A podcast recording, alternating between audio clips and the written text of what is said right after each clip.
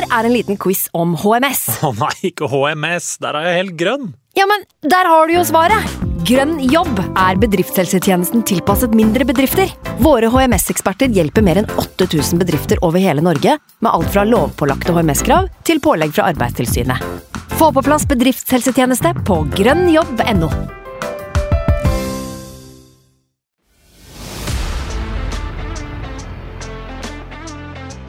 When I lose a duel, I'm upset.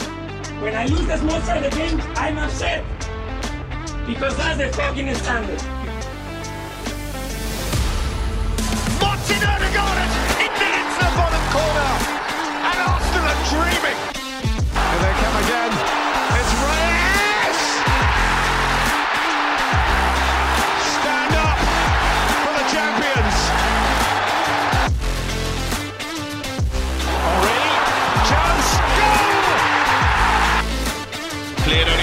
As Nelson has to get his shot right.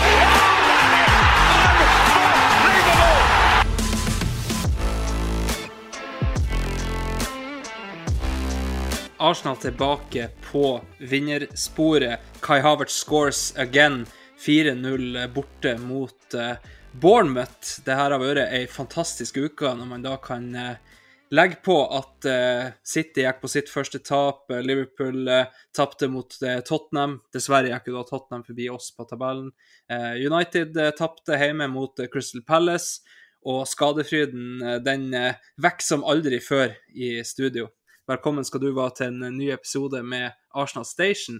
Eh, Denne gangen med to av tre representert i eh, panelet. Det er Magnus Johansen og meg, Andreas eh, Larsen. Eh, Vet ikke, Magnus. Stemninga er vel relativt bra, i hvert fall hvis jeg skal dømme etter videoen eh, jeg og Sivert fikk eh, i natt. Jeg vet ikke hva du har å si om det? Stemningen var nok bedre på det tidspunktet enn den er nå. Eh, var jo da Fylte jo da Kjellerstua opp her med noen grevlinger i, i går kveld. Eh, så litt fotball og var litt, eh, var litt Sivert eh, for en stakket stund. Eh, så fotball med, eh, med kompiser og drakk øl. Det var jævlig kult. Og endte til på byen og alt sånt, ikke sant. Og vi småbarnsforeldre, vi, vi tåler jo egentlig ikke det. Og da ble det en uh, liten video eh, når jeg var ute og gikk av meg rusen i, i natt, rett og slett. Uh, ute og prøvde å få uh, fart på magen. To fingre i hersen og alt det der, er ikke det man sier?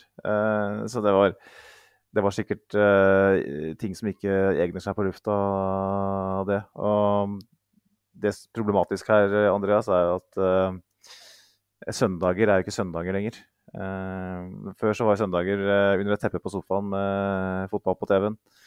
Nå er søndager aktivisering av barn, og nå var det tivoli på Hamar selvfølgelig denne helga her. Det måtte nesten være det når jeg skulle ut på noe. Så da var det jo å um, reise inn dit, da, og der er det jo sånn derre syretrans eh, for fulle mugger, ikke sant. Og masse barn som løper rundt med sukkerspinn og skriker og, og, og hoier. Eh, og så ble det liksom spørsmål kan, kan du bli med dattera opp i Paris i jula, liksom. Jeg sa at det kan du drite i. Eh, jeg, jeg, jeg skotta opp på toppen av Pariserhjulet, og det var nok til at jeg vurderte å forlate hele parken der. Så ganske grusomt. Men uh, fotballen, uh, den var alt annet enn grusomt. Altså. Jeg, som, du, som jeg sa på videoen i natt, uh, så, så er ligagull i boks. Ja, du meldte jo det i natt. Regna med at det ble ikke, det ble ikke tekoppene heller i dag på, på tivoli. Det er jo sånn som er grusomt i, i helt eh, 100 eh, oppegående tilstand. Så fyllesyk, det, det er heftig. Um, så jeg uh, misunner deg ikke den her turen på, på tivoli i dag, Magnus. I hvert fall ikke med tanke på hvor fyllesyk jeg var sist jeg drakk. Så jeg eh, har full forståelse for det. Um, men hvis vi skal gå i gang med fotballen, da, det er jo mye deilig å ta tak i her, Magnus. Vi har uh, vår egen kamp, eh, ikke minst, og så skal vi nå uh, snakke litt om det som har skjedd ellers i, i toppen av tabellen spesielt, for uh, ting har jo flytta litt på seg. Um, men vi, vi begynner jo som, som vi bruker å gjøre med, med vår egen kamp. Eh, Det var jo eh, det var jo knytta en del spenning til hvem som skulle starte, og med tanke på alle de som har meldte usikker til, til søndagens kamp. Eh, og så nesten uten unntak gikk de vel rett inn i startelveren samtlige. Det var vel bare Trossar som, som fant plass på benken i stedet for. Eh, så eh, både Saka var med, eh, sjøl om han, han, måtte av eh, med, med nok forrige gang han var på banen. Og så var Declan Rice med etter å ha slitt litt med rygg. Um, Saliba òg, som visstnok hadde fått en nok på trening, var òg med. Så det her var jo um, det var jo toppa mannskap, eh, kanskje med unntak, av så klart at vi ville hatt Martinelli istedenfor en Kettia kanskje i, i startelveren. Men eh, vi hadde ikke så mye å klage over der, hadde vi det, Magnus? Nei, vi hadde jo en liten passiar på, um, på SoMe vi på fredagskvelden, Andreas, hvor, uh, hvor vi spekulerte. Uh, for en gangs skyld så var det noen lekkasjer uh, dagen før match som lot seg høre, i stedet for, som jeg sa i forrige episode, de jævla kakerlakkene som eh, spyr ut eder eh, akkurat når man sitter og koser seg på, med gullrekka liksom, på NRK. Så, men denne gangen så var det positive nyheter om at Saliba og Saka og Rice var i troppen. Vi fikk jo servert bilder fra eh, spillerhotellet, så da, det er klart da, da blir det lekkasje uansett, da. Men uh, vi, ser jo, vi, ser jo, veldig tydelig i, i kampen uh, at Eh, at de gutta er med. William Gustavsson stilte jo spørsmål selv på Twitter. Han skriver liksom I dag ser vi hvor, ser vi hvor stor forskjell det er med, med og uten Rice. Jeg dro skuffa hjem fra London sist helg og tenkte at vi har null kontroll på midten uten han.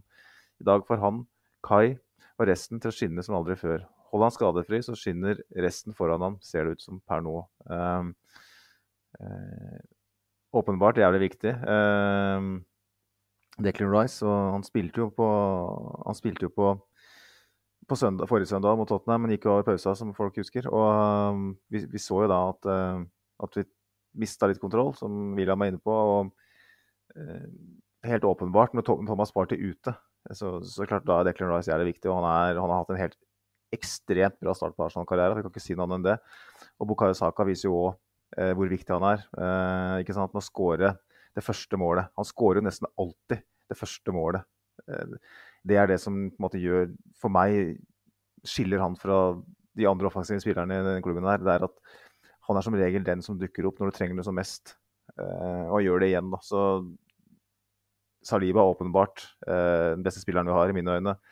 At han går inn der og styrer skuta fra dypet. Så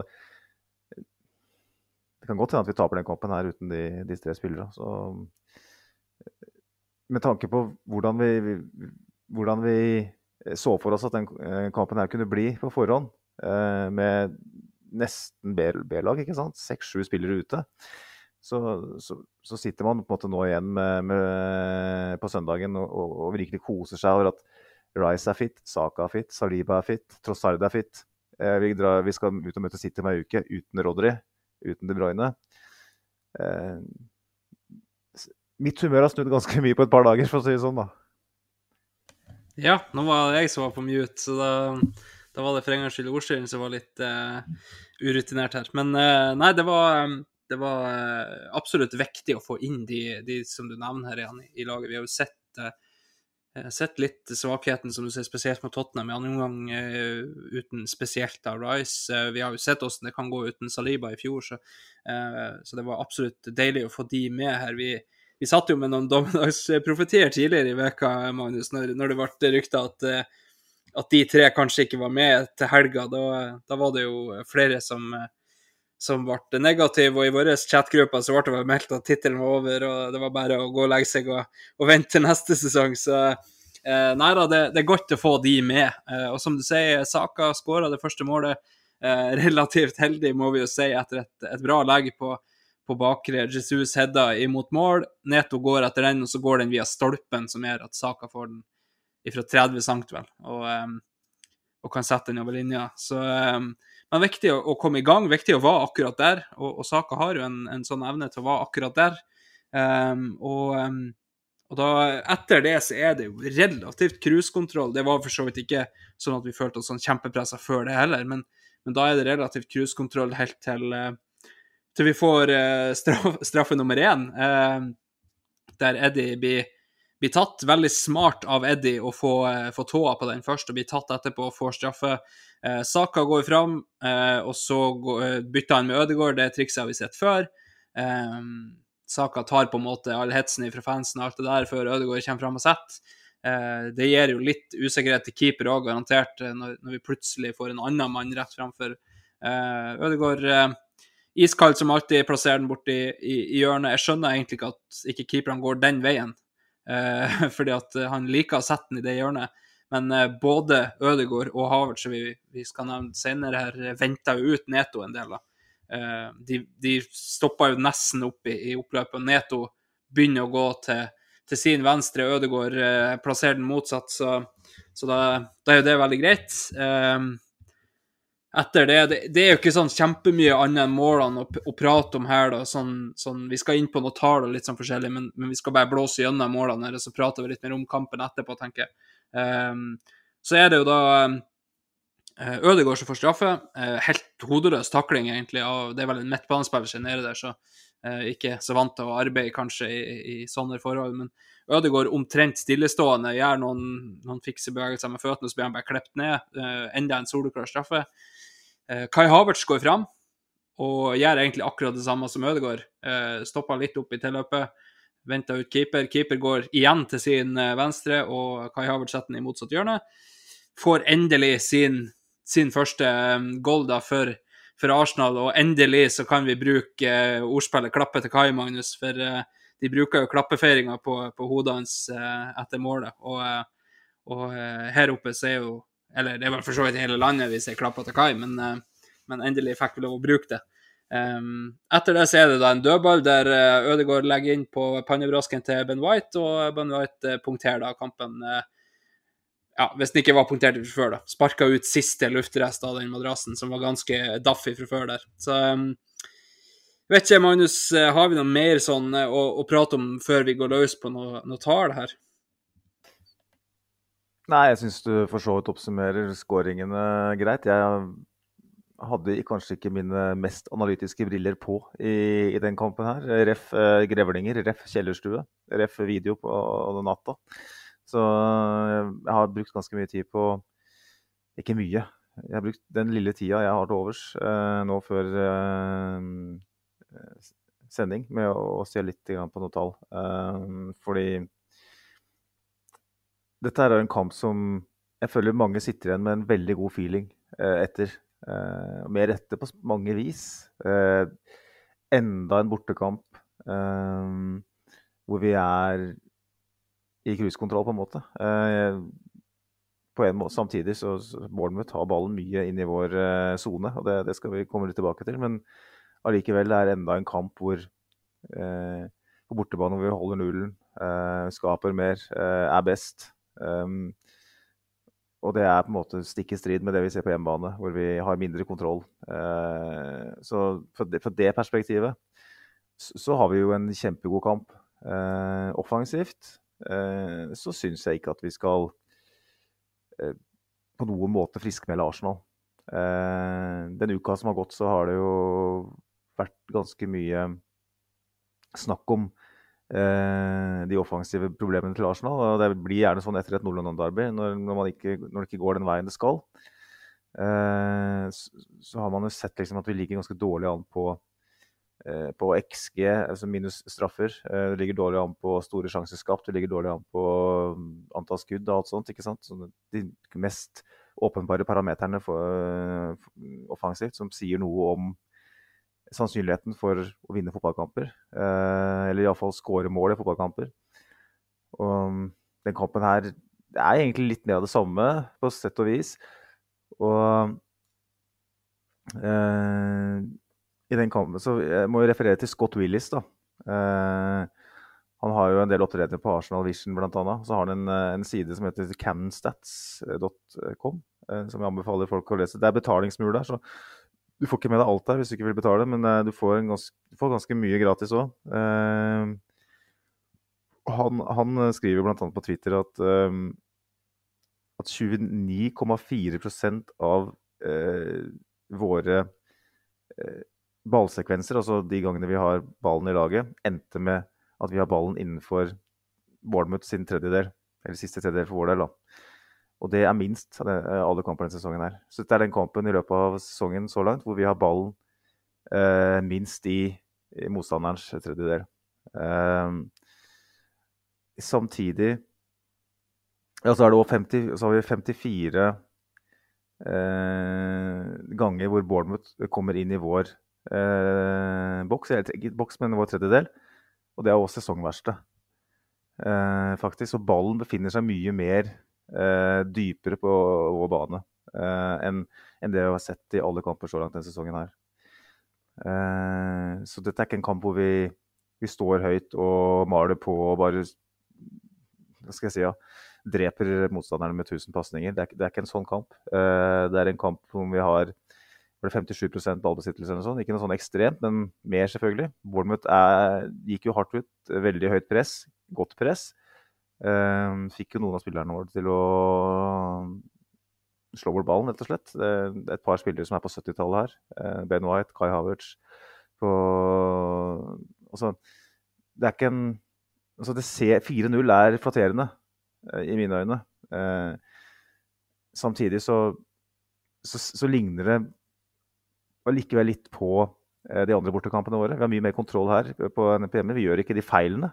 Det er jo ofte en, er en viktig del av det. Vi gjør ikke de store feilene i, i egen, på egen tredjedel. Og um, ender med 4-0, men det er jo to straffer her.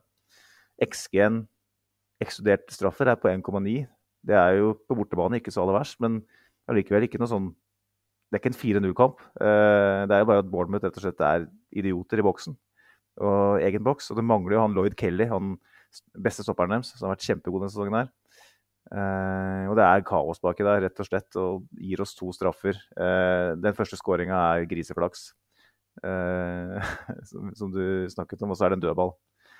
Så igjen kun ett mål for åpent spill, og det var en, ikke et, et kjempegodt bygd opp angrep, liksom. Sånn som, som vi sitter og venter på at vi skal begynne å, å skjære gjennom eh, motstanderens forsvar og skåre noen av de måla vi så i forrige sesong. Da.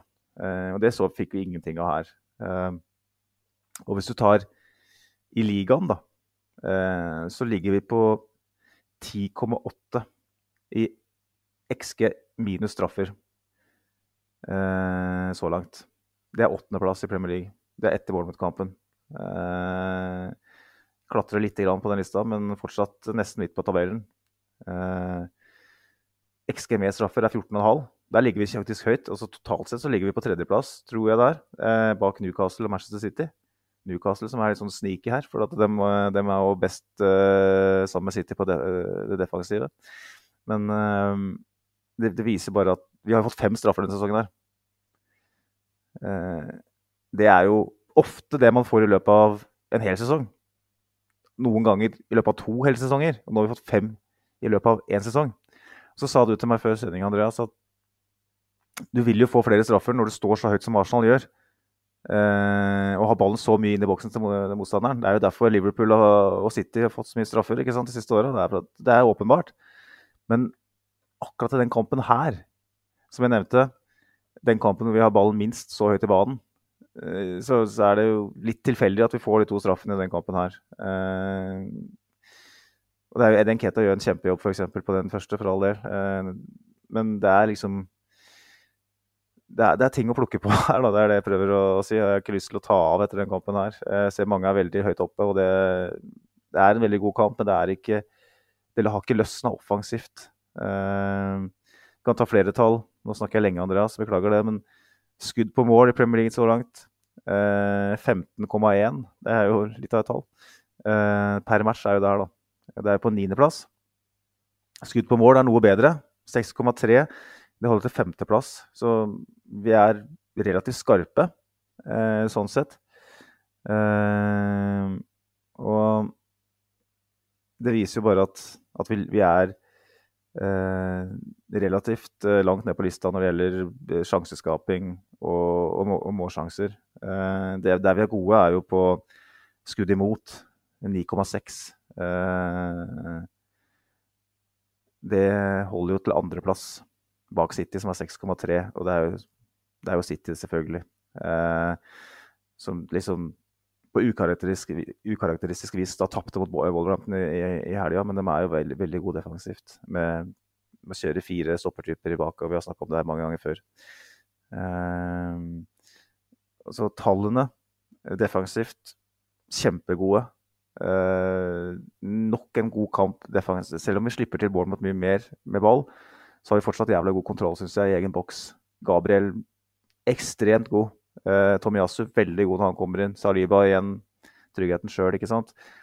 Ben White ikke, vel, ikke, fullt så god, men fortsatt kjempegod kamp defensivt. Men poenget mitt, offensivt, der, der kladder det fortsatt. Uh, så, men kanskje kan det her gi sjøltilliten. Kanskje er det det her som gjør at, at, at det løsner litt, og at man reiser bort og, og vinner fire mål i Premier League. Det, det er ikke mange borteseiere på fire mål eller mer i Premier League i løpet av en sesong.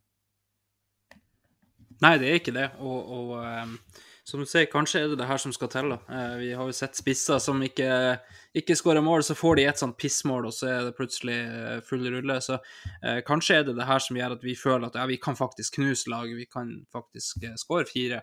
Um, og så, så, vet vi jo at de tallene du drar opp her, Magnus, vitner jo om et lag som ikke er begynt å tikke ordentlig. Vi vet at kanskje er målet å, å begynne å rulle ordentlig eh, etter januar, ikke nå i høst, sånn som vi gjorde i fjor. Eh, vi får jo bare håpe at det er det som er, det som er planen og det som er greia her. Um, men som du sier, absolutt ikke friskmeldt bare fordi vi vinner 4-0. For tar du bort straffene, så er det to. Tar du bort dødball, som på en måte blir en fast situasjon og, altså, Dødballmål og straffemål teller, det er ikke det, men, men det ikke, vi spiller oss ikke til det målet. Um, og så er det griseflaks det første, så da, da er det liksom litt sånn uh, Det er ikke vi som knuser de med fantastiske, uh, blindende uh, offensive spill. Det er, ikke, det er, ikke, sånn det her går. Vi, vi, er Det er hodemest som er at vi får to straffer. Det er det er en dødball som er veldig bra coacha, absolutt, og bra slått og bra satt, absolutt. Um, og så er det da saker som er på rett plass til rett tid, og, og du trenger de målene òg. Um, det, det, er ikke det jeg sier, men, men um, den feelingen som mange har etter 4-0, er kanskje litt for uh, opphøyd i, i, forhold til det det egentlig uh, sier til oss, åssen vi får de målene. Hadde vi hadde vi fått spilla oss til alle de her fire målene, så har jeg vært mye nærmere friskmelding enn, enn jeg sitter og er akkurat nå. Eh, jeg føler liksom at vi, vi ennå har til gode å se at vi, vi totalt utspiller lag offensivt. Eh, vi er veldig gode helt til 16-meteren, og så, så, har det liksom skorta litt på kreativiteten derifra inn. Eh, dessverre. Men eh, vi får håpe at det er det her som løsner det, for uh, gudene vet at vi trenger det. Neste kamp er City, så det er, det, er, ikke sånn at vi får mål gratis der heller. Så Um, vi, vi, får absolutt sats på at, uh, at det her blir det som, uh, som, skyter oss i gang, uh, på et vis. så må jo um, Bukayo Saka gå av etter hvert med en, en skade. Teta har sagt etterpå at det så ut som en stempling, at det ikke var samme det var ikke samme område som han har vært eh, plaga med tidligere i uka. Det er jo for så vidt positivt, da. Eh, og så sa han òg at eh, Gabriel halta etter kampen, så han vet ikke helt åssen han har det. Um, det her er jo det han har sagt da etter Bournemouth-kampen, så klart. Vi, vi, vet jo at vi skal spille imot uh, Lance uh, på onsdag, og så møter vi da City på søndag. Så mye skjer jo før den tid, da.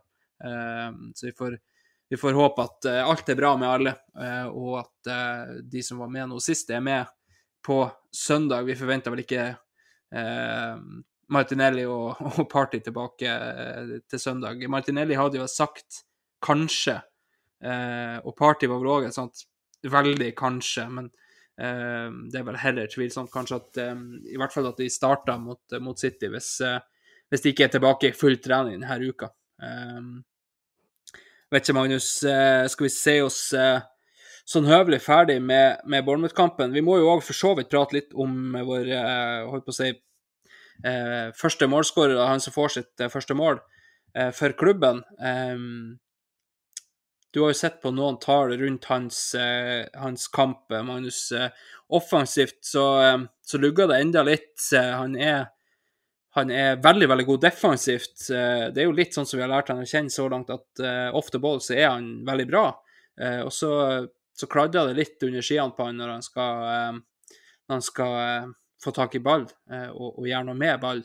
Jeg syns det løfta seg etter han skåra. Det så ut som det løsna litt, i hvert fall sånn psykisk for hans del. Men, men eh, hva har vi å si om, om godeste Kaier, Magnus?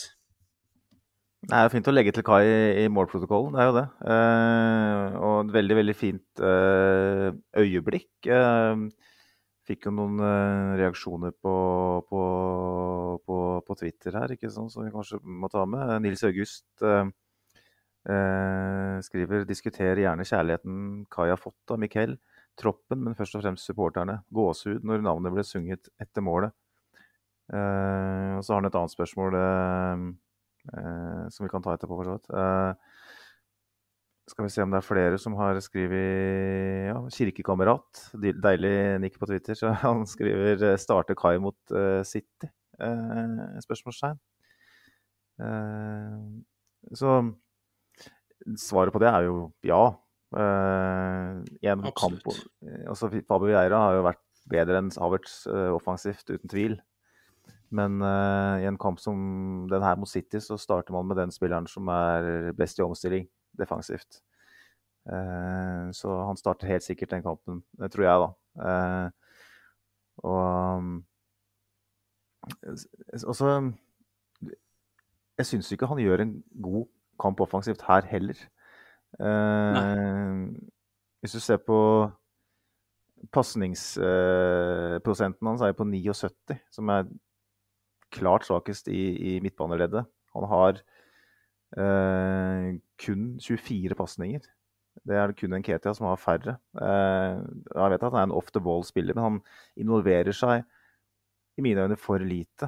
Eh, og han, eh, han altså, sånn Totalt sett så viser tallene at dette er en kamp hvor han bidrar ganske begrensa offensivt. Eh, og det, det sa øyetesten òg. Eh, defensivt så vinner han, han jo fire, fire taklinger og vinner fire taklinger. Og har en klarering, han har en eh, ballgjenvinning. og sånn.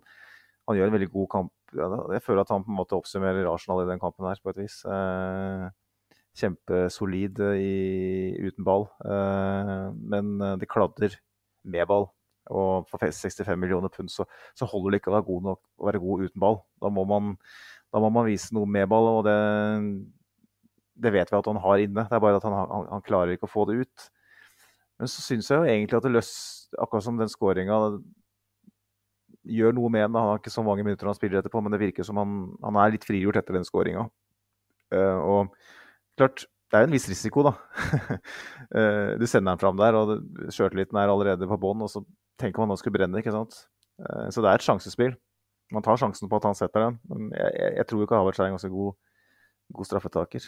Eh, og nå kan jo du få lov til å snakke litt om, om øyeblikket, da. Twitter-brukeren som stilte spørsmålet, nå husker jeg ikke farten det var, men Kirkekamerat, var ikke det han het? ja, han og den andre Ja, stemmer. det var en, en, en av de kjente, men jeg husker, men nå har jeg glemt det allerede. Han, han spurte jo om det, hvilke favoritt... Nei, hvilke spillerchant er det du har som din favoritt? Uh, utenom Kai Havertz Waka Waka. Var det ikke det som ble synget der? Jo da, det er jo eh, Det er jo eh, den her Waka Waka, og så er det jo 60 million down the drain.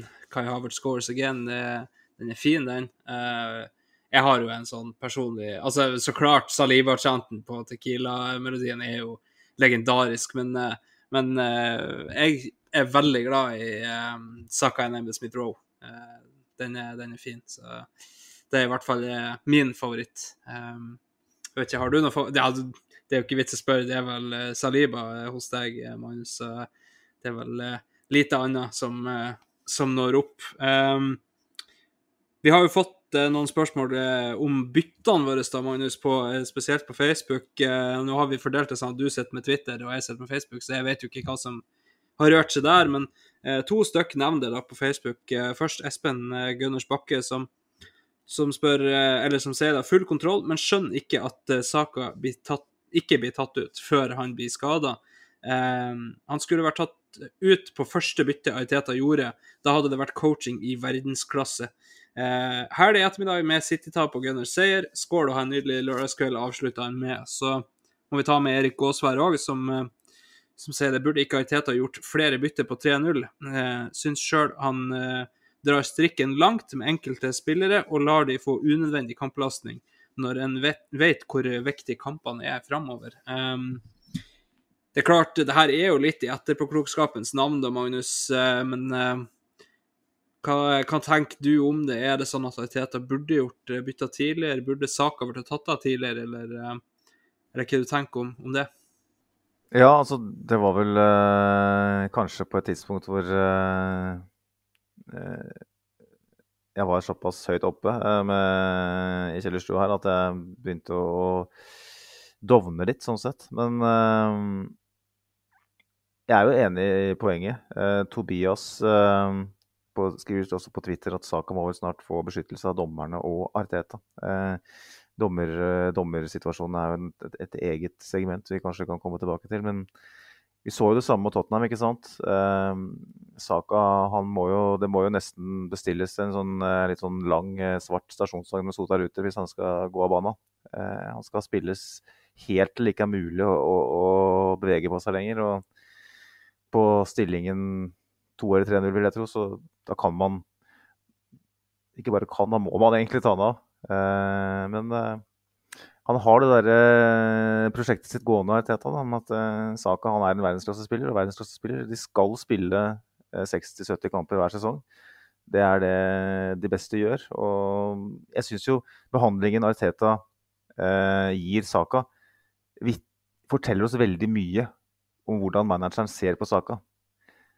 Eh, vi vet at Ødegaard på en måte er hans høyre hånd og på en måte sånn eh, ledertypen eh, i form av eksempel. Liksom, man skal se til Ødegaard hvordan man lever og hvordan man tilnærmer seg rollen som profesjonell fotballspiller.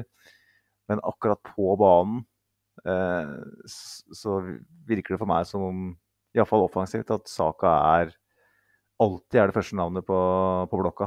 Eh, og han er jo en veldig robust spiller. Han får mye, mye stemplinger og, og NOx osv. Eh, men han er òg veldig, veldig eh, robust fordi at han, han tåler det. Uh, andre spillere kunne vært ute i flere uker. Jeg tipper Sjaka litt sånn som vi husker Vieira eh, back in the day. Eh, spiller med tenker jeg Patrick, selvfølgelig.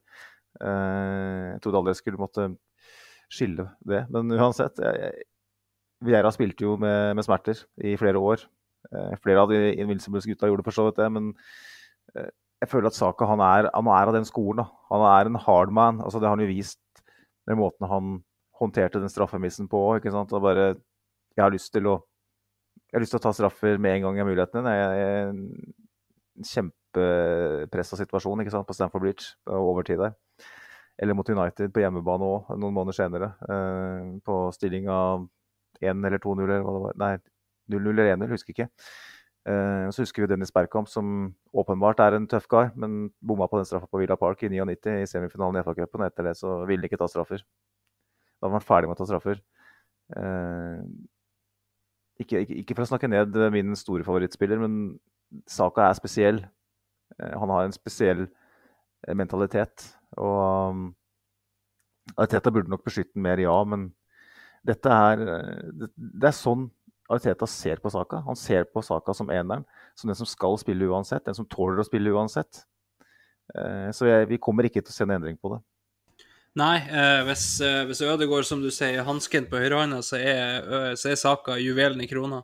Eh, det er det er sånn at han skal spille alt. Eh, nå vet vi at Ariteta, han ble rosa veldig mye for det i City. Han, han vet hva de, de, forskjellige individene trenger. Eh, han vet at Kai Havers trenger en arm rundt skuldra. Han visste at Martinelli trengte tid før han var klar til å komme inn i laget.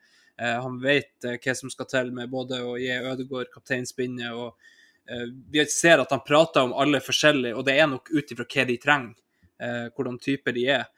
og så er det det der med at han ser potensialet i Saka. Saka kan bli verdens beste spiller. Og, da, da, er du faktisk nødt å, å skape den mentaliteten i han. Ikke gi han en grunn til å føle seg som et offer. Eh, sier det at ja, men sånn er det. De beste de blir sparka. Se på Messi. Hvis han blir sparka ned, så spretter han opp igjen. Det er, det er, faktisk sånn det er. Eh, kanskje det som gjør at Neymar aldri nådde helt opp dit. Han, han er mye mer sutrete enn enn det Messi f.eks. er. Um, det er sånn det er. Er du best, så blir du sparka ned, for det eneste måten å, å takle deg på. Um, ta det som et kompliment, ikke som et problem. Uh, og, og ja, Rest av deg, kom deg opp og spill. Det, det virker som er den uh, mentaliteten Arteta prøver å få inn i saka. og Sånn som saka svarer på spørsmål og sånn òg, så, så virker det som at det, det går inn. Um, det er rett og slett uh, veldig, veldig godt å, å se. Um, vet ikke, Magnus, sitter du med noen spørsmål som handler om kampen, eller, uh, eller skal vi gå videre til det som har rørt seg litt i, i andre kamper i år?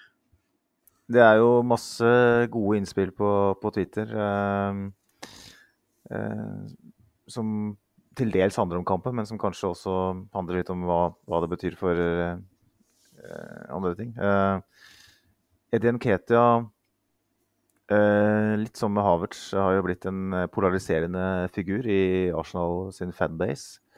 Jeg har fått flere innspill på, på Nketia. Eh, Svein uh, Skaret, uh, vår gode venn fra Dial Norge, han, uh, han skriver jo at hvilke, hva slags spiss bør Arteta hente. Enketas utvikling har stoppa fullstendig opp. og Jeg tror det, dette er hans nivå fremover, og det holder ikke, dessverre. Og så har vi på motsatt side av bordet sitter Fredrik Heierstad med ølen sin og skriver Eddie er 100% Arsenal. Fy faen, jeg elsker han. Mulig det er litt ølen som snakker, men nei, jeg hadde faen ikke begynt å ha med Ivan Tony. Den instansen, Eddie, innsatsen uh, Eddie legger ned uansett motstander, kan vi ikke glemme. Og det leder jo opp til en interessant prat. Vi, vi saga jo Eddie ganske heftig etter Nordland-derbyet, uh, Andreas. Mm. Uh, og jeg syns med rette. men det er ingen tvil om at Eddie Nketia legger ned en voldsom innsats i den kampen her og skaffer Er det det tredje straffesparket han skaffer denne sesongen her? Uh, I alle fall det andre. Uh, han, han, han, går på alle løp og han går på alt hele tida. Og jobber som juling. Uh, er det Sitter du midt på bordet sammen og, og, snakker med Fredrik og, og, Svein, eller sitter du ved siden av noen av dem når du snakker om Eddie Nketia? Ja, der er jeg nok eh, Jeg er nok litt nærmere Svein enn en Fredrik. Men eh, for jeg, jeg mener òg at eh, Edin Ketia er ikke bra nok som, som, en som skal spille mye hvis vi skal vinne ligaen. Um, jeg er helt enig i at han legger inn en, en syk innsats i, i, de fleste kamper. Nordland-Derby datt han gjennom, uh, og det er nok dessverre litt det vi kommer til å se uh, innimellom ifra han. Uh, men det virker som Teta er frelst når det gjelder Eddie. Eh, og, og, vil bruke han. Jeg syns kanskje han blir mer og mer lik Jesus, eh, med tanke på at nå legger han ned mange flere meter, han er litt mer med i, i eh, oppbygningsspillet, og han bommer på flere sjanser. Så, han tar både the good, the bad and the ugly med, med Jesus, sånn sett. Og så har han sine egenskaper som vi, som vi vet gjør at han er en livsfarlig spiller innenfor boks. Eh, paradoksalt nok, så han drar seg jo fri i denne kampen eh, og, og, plasserer et skudd utfor. Eh, men eh, Ja, nei Eddie er en sånn spiller som jeg, som jeg, dessverre, og det kan være fordi vi har hatt han i så mange år, og han ikke har egentlig på en måte ordentlig slått igjennom som, som det vi håpa han skulle bli. Det kan hende det er det som gjør det. Eh, hadde vi henta Eddie i fjor sommer, og vi har sett det vi har sett han, så kan det godt hende vi har tenkt annerledes om det. men men det er på en måte litt det der jeg sett med det, at han, han, han blir ikke en førstespiss for Arsenal. Eh, selv om han kanskje er det akkurat nå, med tanke på at Jesus blir brukt ute på venstre. Men eh, ja. eh, for min del så, så, hadde jeg nok tatt Ivan Tony i stedet, ja. så der, dermed er jeg vel mye nærmere Svein enn en Fredrik. Men jeg vet ikke, Magnus, dine tanker rundt, rundt Eddie?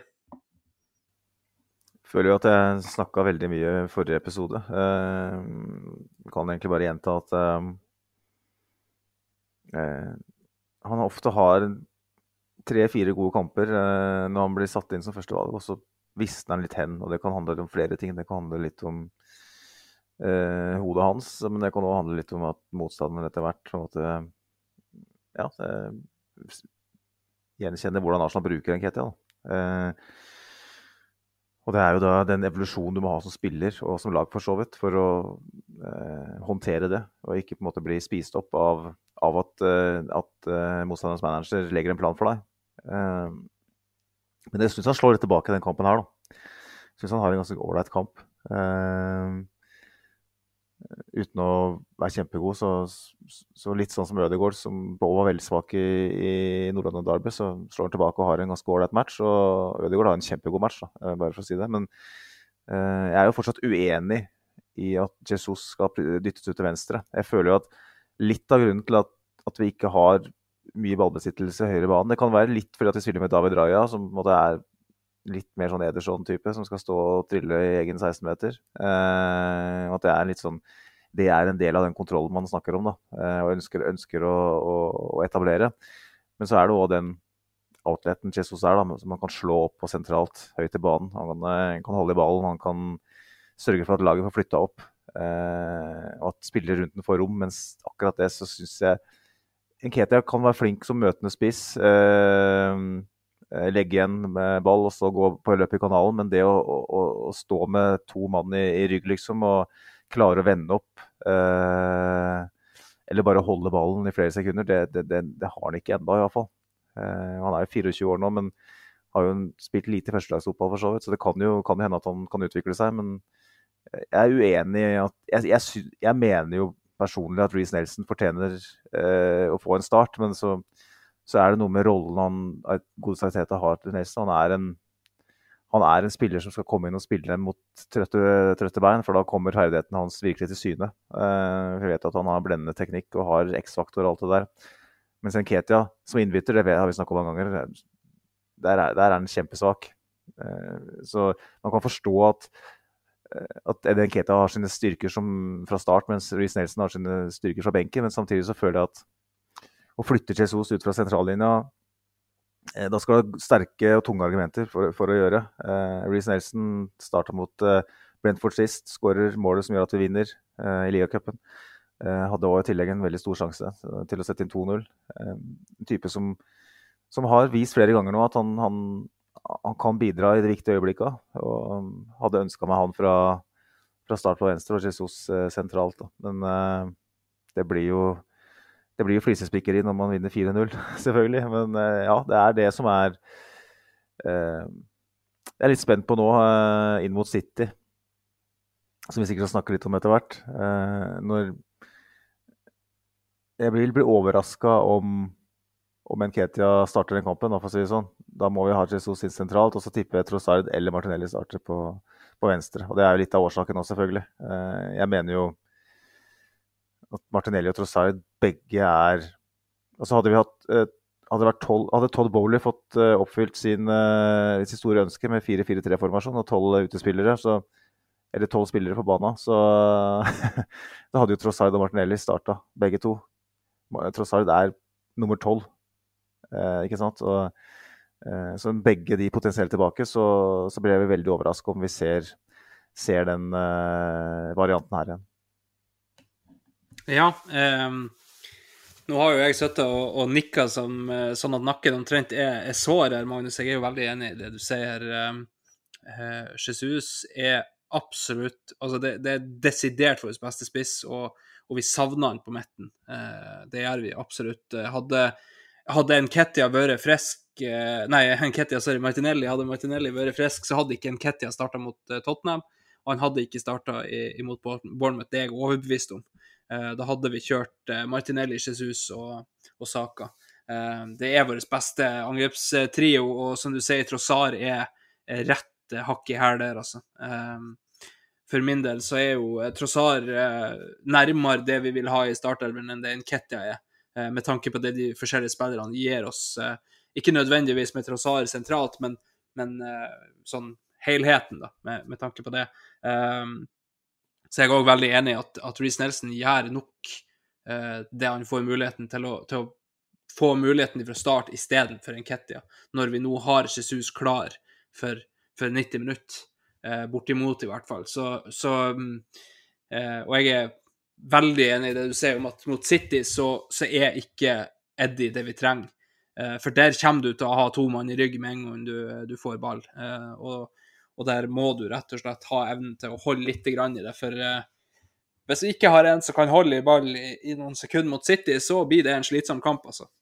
Da blir det veldig mye eh, jojo-virksomhet eh, fram og tilbake på banen. Um, så skal vi jo nå eh, røkke oss litt videre til det som har skjedd i, i ja, i hovedsak da i, i City-kampen mot Wolverhampton, men òg litt eh, United, og, og, så må vi innom i, i Liverpool-Tottenham-kampen, så klart. Eh, Magnus, du har noe å si før vi går videre her. Det er kjekt med sånn raise hand-button her.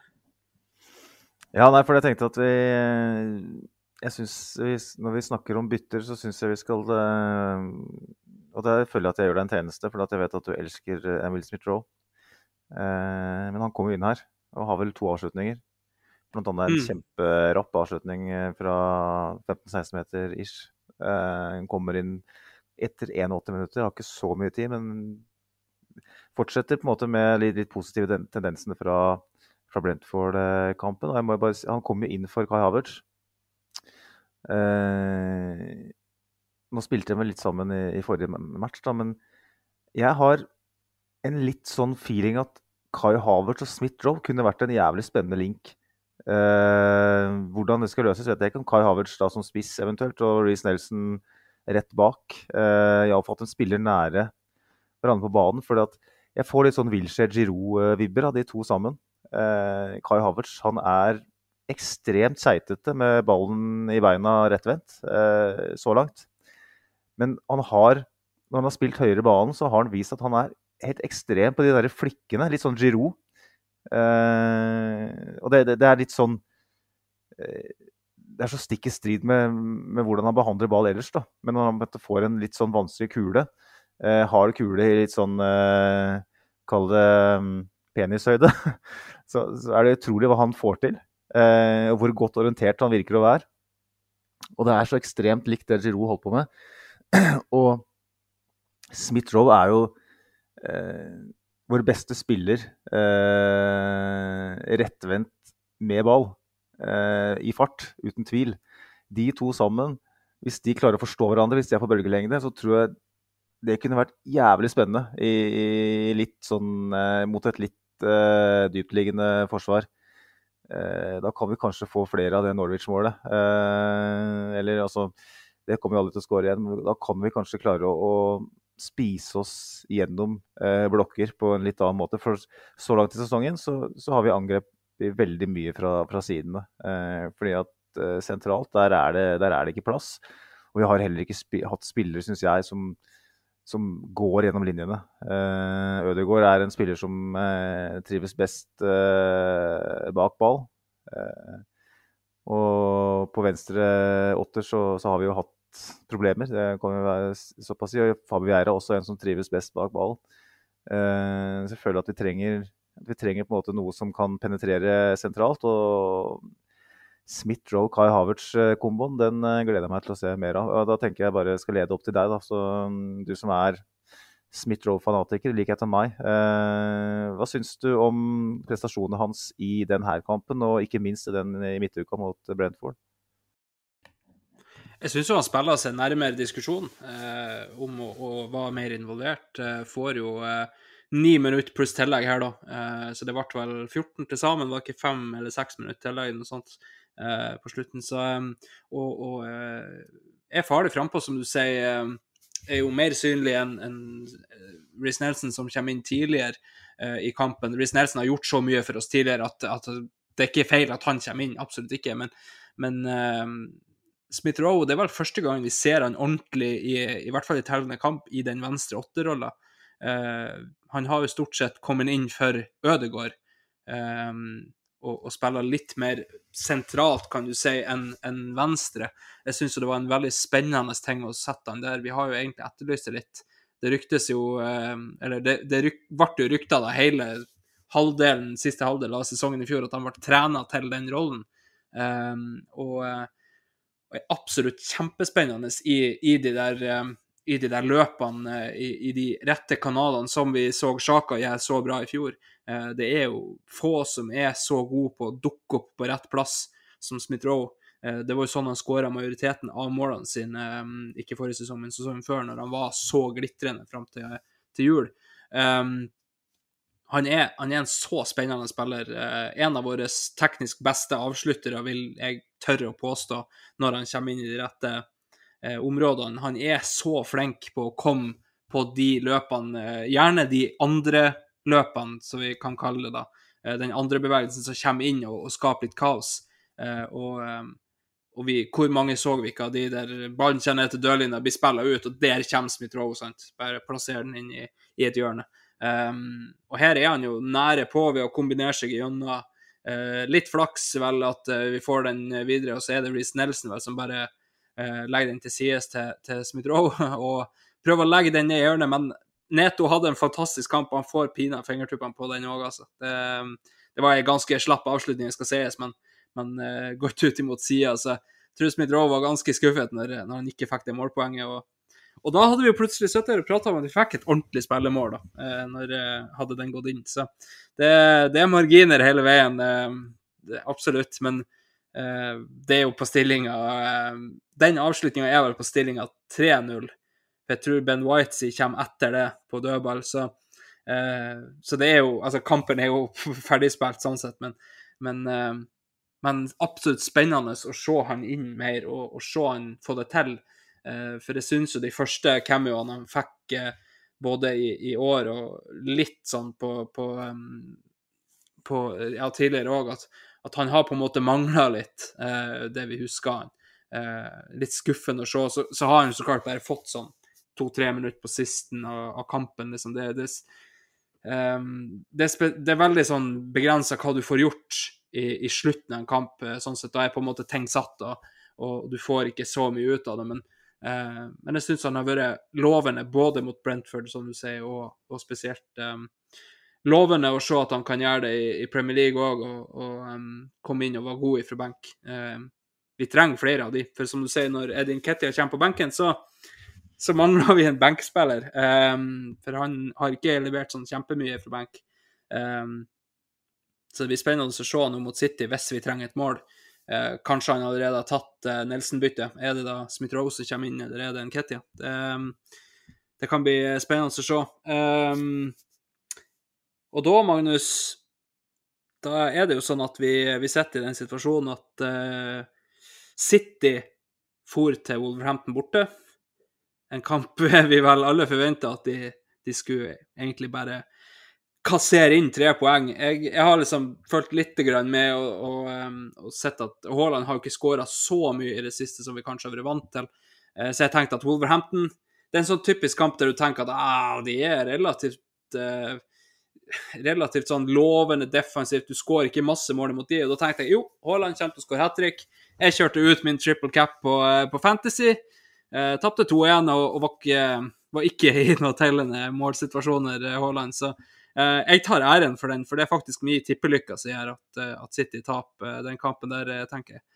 Um, det er jo en gavepakke, Magnus, at vi fikk snike oss inn i ryggen på de, og er ett av kun to lag nå som er ubeseira så langt.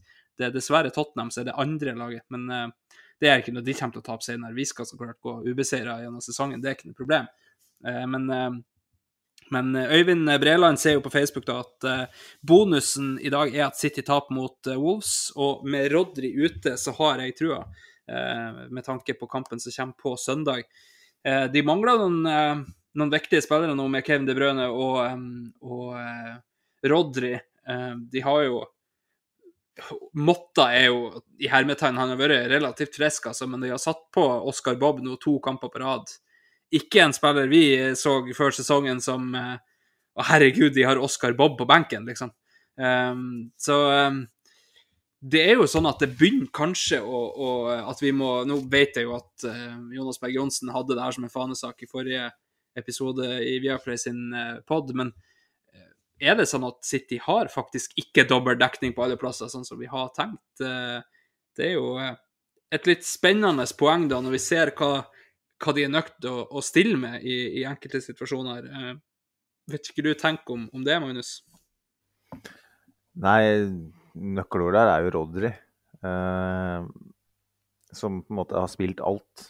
Og gått under radaren. Eh, eller vært i skyggen av eh, Haaland og, og De Bruyne. Eh, men det begynner å danne seg et bilde om hvor viktig Rodry er for det laget. For at de har klart seg veldig fint uten De Bruyne. Eh, de har klart seg i noen enkeltkamper eh, også veldig fint uten Haaland. Eh, men Rodry, tre kampers karantene. To kamper så langt, to tap mot Newcastle ligacupen og nå mot Wolverhampton. Altså det, det, det er jo oppsiktsvekkende. Wolverhampton som ble tippa som en ganske klar kandidat til å rykke ned fra Premier League eh, etter å ha mista hele sentrallinja si. Eh, det, det, det, er et sjokkerende resultat. Eh, og man skjønner jo nesten ikke helt hvordan det er mulig. Eh, men sånn er nå fotballen, heldigvis.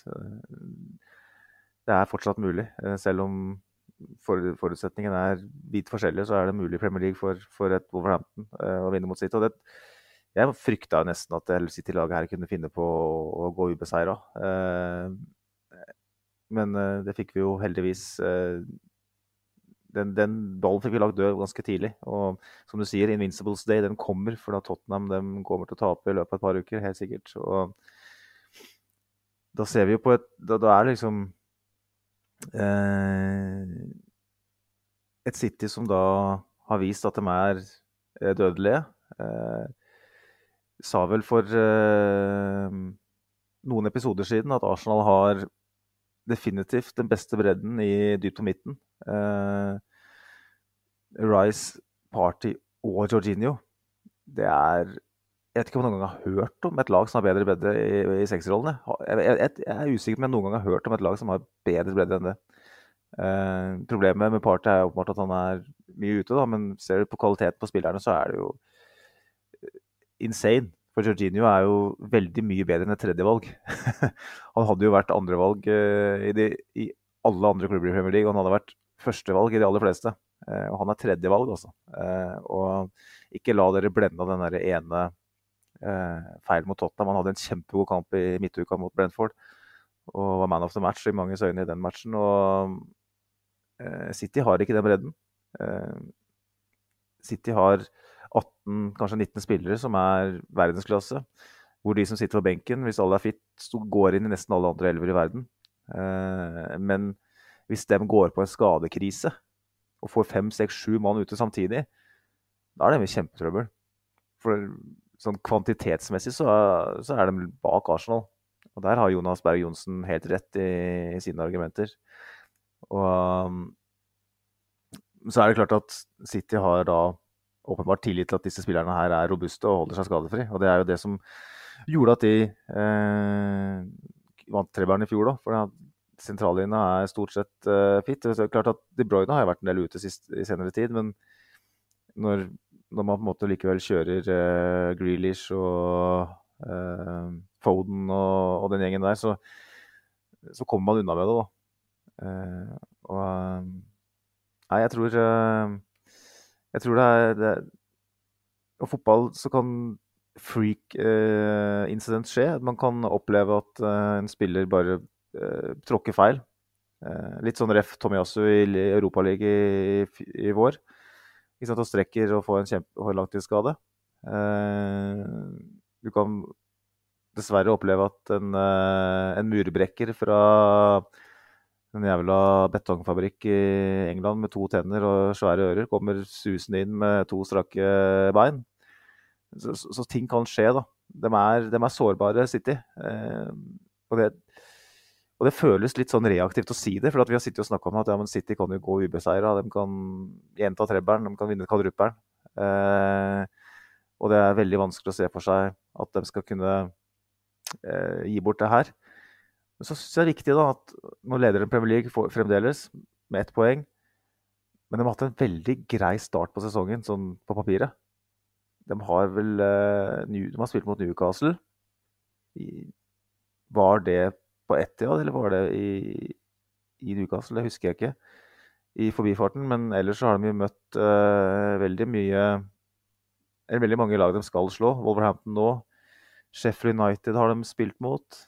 Uh, å, skulle jeg sikkert ha sjekka det her i forkant, men jeg bare, inntrykket mitt er at de har hatt en veldig grei start på sesongen. Og de står med seks seire og ett tap. God start, men det er ikke noe mindre enn forventa. Nå skal de møte Arsenal, de skal møte United, de skal møte eh, Det føles feil å si det, men Chelsea de, de, Det kommer noen litt større klubber da, eh, i horisonten her. Nå skal City testes skikkelig. Og hvis, råd, og hvis de er hvis de er såpass sårbare uten rådere, så kan det bli spennende. Og råd, nå var det vel faktisk sånn at uh, Calvin Phillips starta vel heller ikke den kampen her. De sta, starta med Kovacic. De starta på benken. Kovacic og uh, Mateus Nunes. Stemmer. Uh, og Kovacic er så Jeg ser jo Nunes ble satt av i pausa. Jeg vet ikke om det var skaderelatert. Kovacic etter 65. Men, uh, og jeg, jeg syns jo Kovacic er dritgod, men han er jo først og fremst en indreløper. Sammen Mm. med Nunes. Uh, så at Calvin Phillips ikke engang starter nå, det sier litt om bredden på at Vi snakker om de 18-19 spillere som er verdensklasse, på en måte. Men Calvin Phillips er åpenbart en spiller de ikke har tillit til. Veldig åpenbart. Nå kan vi jo ta de kampene deres, som nå har i det her. Ehm, de har altså møtt eh, Burnley borte, den vant de jo 3-0. De har møtt Newcastle hjemme, den vant de 1-0. De slo Sheffield United borte 2-1. Slo Fulham hjemme 5-1. Westham borte 3-1. Eh, Forest hjemme 2-0. Eh, og så Wolves borte da 2-1-tap. Eh, og så tapte de da på St. James' Park eh, i ligacupen. Eh, det som er litt interessant med det laget de starta med, er jo at eh, hvis du ser på benken deres De har altså ikke veldig mange skader. De har John Stones, Bernardo Silva eh, og eh, Kevin De Bruyne ute. Av de som man kan nevne. De har en unggutt òg, som Casente, eller hva fakken heter for noe. Men, eh, men det er ikke en du tenker på som skal starte. Men benken deres består av to keepere.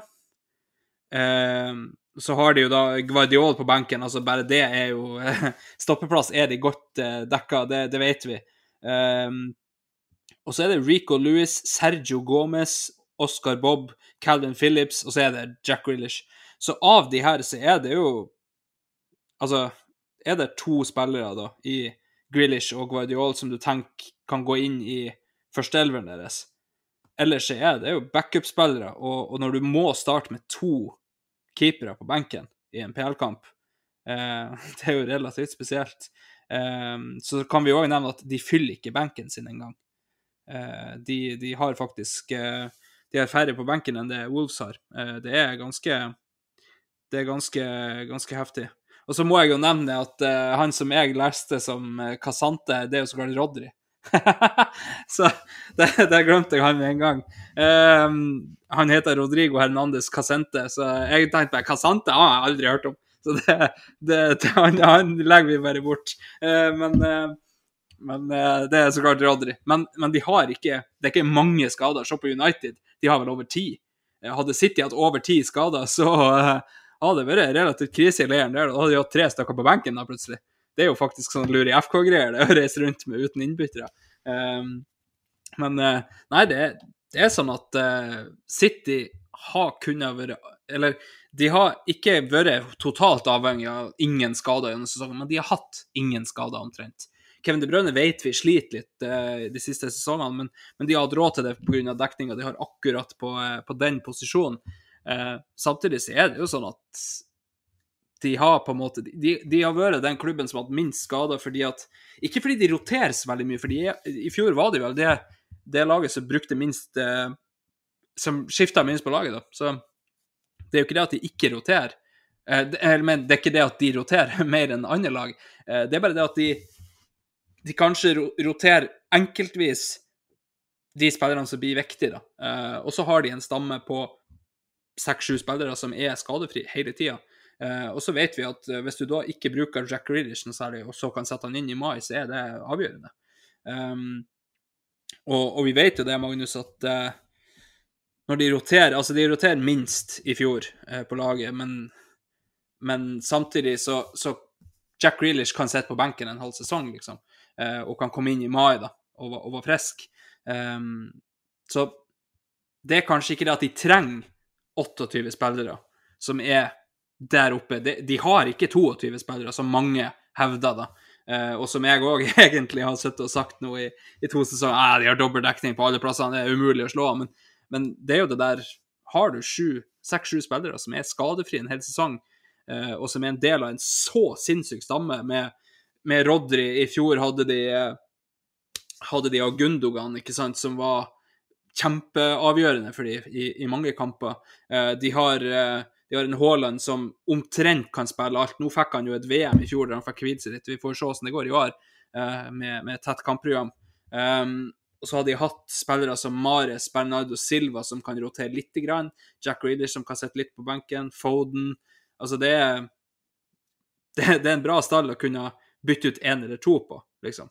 Um, så jeg vil jo ikke si at City ikke på en måte er farlig bare for at de taper mot Wolverhampton, og at, at det er på en måte det du, du sitter igjen med etter den kampen. Men uh, jeg vet ikke, Magnus. Uh, føler vi at vi er, vi er nærmere et gull fordi de tapte nå? Er det menneskelighet? Har vi sett gudene blø nå? Eh, er det det vi har gjort? Ja, eh, jeg syns vi kan si det. Eh, samtidig så på et eller annet tidspunkt så vil jo selv City gå på ei landmine. Det, det, gjorde de jo flere ganger i fjor òg, så man skal ikke lese altfor mye inn i det. Men eh, at vi nå på en måte etter syv kamper er ett poeng bak. Eh, når vi på en måte for en uke siden snakka om at eh, tenk om det er sju poeng når vi eh, møter City på Emirates. Eh, jeg følte at det var mye større sjanse for at vi skulle ryke mot Bournemouth enn at, at City skulle ryke mot Wolverhampton. Eh, men så skal vi ikke glemme heller at City hadde, hadde litt problemer på borte i fjor. Mens Arsenal er, har vært nå det beste bortelaget i Premier League siden starten av forrige sesong. Og hvis vi på en måte klarer å luke ut de der feilene vi har på hjemmebane, så, så, på en måte ligger det an til at vi kan plukke jævlig mye poeng. da. Eh, og jeg føler at eh, litt skadeproblemer som vi har hatt, ikke sant? og litt tilfeldigheter som har gått imot, så, så føler jeg at vi kunne absolutt ha hatt full pott denne sesongen her. Eh, og det eh, det gir oss en, måte, en mulighet. Da. Liverpool har jo også blitt på en måte inkludert i den miksen her. Eh, etter at de på nesten ufattelig vis har klart å bygge opp en midtbane igjen på et overgangsvindu som attpåtil eh, er beskrevet som et kaotisk og dårlig planlagt vindu. Med sportsdirektører som byttes ut over en lav sko, og spillere som velger i flertall som velger å gå til den derre utedassen i lys lue på Stafford Bridge. Caicedo og Lavia velger, velger, faktisk Chelsea foran Liverpool. God bedring, ser jeg bare. Uh, og Liverpool henter da Endo fra, fra Stuttgart. Og han spiller jo ikke. så Allikevel så er den midtbanen deres uh, veldig god. Og de, bak der så står det et, Er det et lappeteppe av midtstoppere som enten er på vei over toppen eller er skadeforfulgt. Allikevel så, så glimrer de offensivt. Plattformen er der for å kunne få det beste ut av Sala, få det beste ut av uh, Soboslai, som har vært en åpenbaring. Uh, og den kampen mot Tottenham uh, på lørdagskvelden det er jo bare en skandale at ikke de vinner den kampen. Det er mye bedre enn Tottenham, selv med ti mann. Til og med med ni mann så hadde Liverpool faktisk eh, eh, Om jeg ikke skal si kontroll, så var de iallfall Det så ikke ut som det var to mer på Tottenham i den, eh, i den sekvensen. Så eh, en VAR-skandale, som vi sikkert kan nevne, med, i den kampen. da, Og et rødt kort som jeg tipper det er omtrent like polariserende debatt som Eddie Nketia og Kai Havertz. Eh, og to gule på Jota. Det første som vel var feil. Eh, så også et selvmål selvfølgelig da, som avgjør for Tottenham, som, Tottenham som har eh, hatt ekstremt mye marginer. Og Tottenham tar ikke seriøst eh, så høyt på tabellen. Men Liverpool, tross det tapet mot eh, Tottenham, eh, skremmer meg lite grann. For vi vet at Jørgen Klopp er i stand til å bygge mesterlag. Han har gjort det over tid, så Men, men jeg hadde tre Liverpool-supportere i kjellerstua her i går, som jeg anser som høyt, veldig oppegående folk som følger godt med. og de, Jeg spurte dem hvem, hvem vinner ligaen hvis City ikke gjør det, og da var jeg veldig klare på at det var Arsenal. Og selv om media ønsker å spinne det der narrativet med Guardiola Klopp igjen, så så er nok de aller fleste som kan fotball, enige om at Arsenal er det laget som er best posisjonert til å utfordre, utfordre City. Så at City viser litt svakheter eh, det gir deg, det gir deg jo håp. Jo, fotball er ferskvare. og eh, Jeg trodde helt ærlig ikke at City var i nærheten og skulle rote bort poeng borte mot Wolverhampton. Eh, at de gjør det er et Vi kan ikke si noe enn at det er et godt tegn. og Så får vi se om det bare er en blipp, eller om det er noe vi kommer til å se mer av. Eh, håpet er der fall. Ja, eh, det er jo absolutt det. Så får vi se hvis vi tar opp 5-0 på søndag, så, så, kan det godt hende vi, vi, føler litt annerledes igjen. Men vi, vi, har jo absolutt ikke tro om at vi skal gjøre det. Du nevner jo litt grann der Liverpool-kampen, Magnus. Det er jo det er jo skandale på skandale. Um, det er jo eh, akkurat der, der andre gule til Jota, så er det sånn Det første er feil, ja, men når, samtidig, når du har det gule og gjør den taklinga der, så er det hodemest, altså. For du, du, gir jo dommeren muligheten til å vise deg ut. Eh, for den taklinga er soleklart gult, den han får andre for. Så, så, det er liksom Sorry, da mista du min sympati, i hvert fall. Um, så snakka vi om at uh, Todd Bowley gjerne ville spille 4-4-3, men uh, Klopp han ble jo nesten nøyd å spille 4-1-2 der på slutten. Det er jo uh, det, det er ganske heftig. Han kjører en, en 4-4-0 eh, nesten. Så um, det, det, det, er sterkt at de klarer å, å, være såpass på høyde med Tottenham i, med, med, to mann mindre, altså. Um, Sivert satt vel og og, og skrev litt på, på messengeren vår, så da sa jeg det at uh, det her tar ikke seg. De er så latterlig enkle å spille imot, egentlig. Hadde Arsenal vært i nærheten av sitt beste, og det sa jo Sivert i forrige dag, så har jo vi spilla rundt med dem. For det, det, er ett pressledd, og så er du igjennom. Og Liverpool gjorde det en to-tre ganger. Det, det, er så, det er så tåpent å se på. For det er liksom én pasning forbi pressleddet ditt, og så er du plutselig i 16-meteren. Det er, liksom, det er ingenting imellom der. Eh, så at de, Jeg skjønner at det er runkering rundt eh, postmann eh, Koglu, men eh, det er liksom ikke noe det er ikke noe seriøst der, eh, for, for, min del. Um, når det der går på et isfjell, så, så tror jeg det går ordentlig. Eh, de er på en new manager bounce. Det er, det er hvetebrødsdager, og, det er jævla deilig og, fint og alt det der, men så kommer hverdagen, og, og den kommer til å komme for de, altså. Um, og så må vi prate litt om den største skandalen i helga. Um, og det er så klart at uh, United taper 1-0 mot Crystal Palace.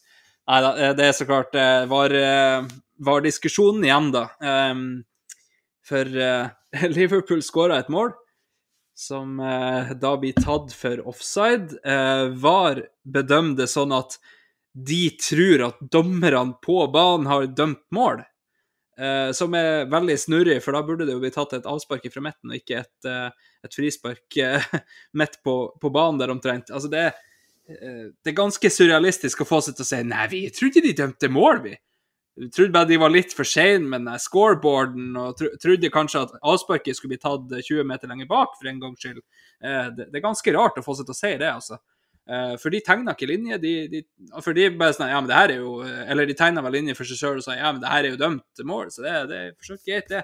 Men uh, Nei, uh, VAR fortsetter med, med rare ting. jeg har hørt flaue ting i helga med Nå er det jo ikke så veldig mange som, som vet om akkurat det der, da, men, men, vi har en hurtigbåt som ikke kunne gå ute i mitt øysamfunn i helga, for de hadde feil med en vindusvisker. Um, for, å, for, å, se det veldig enkelt, de har fire vinduer på denne eh, båten. Der er vindusvisker på de andre tre. Uh, så, så, de kunne bare ha flytta seg litt. Bytta stol, rett og slett, og gått. Uh, og jeg føler litt grann samme flauhetsskalaen på, uh, på den vartabben der, altså. Det, um, ja, det, det, er fantastisk å få seg det gjøre sånn. Um, har du noe å føye til der, Magnus, før vi skal prate bitte litt om Mr. Muffens? Gleder meg til Muffins. Men uh, altså, jeg så jo Lars Kjernås hadde en eh, lidenskapelig rant om, om VAR, og Kjernås er vel en av de som var veldig pro VAR, uh, men har rett og slett snudd.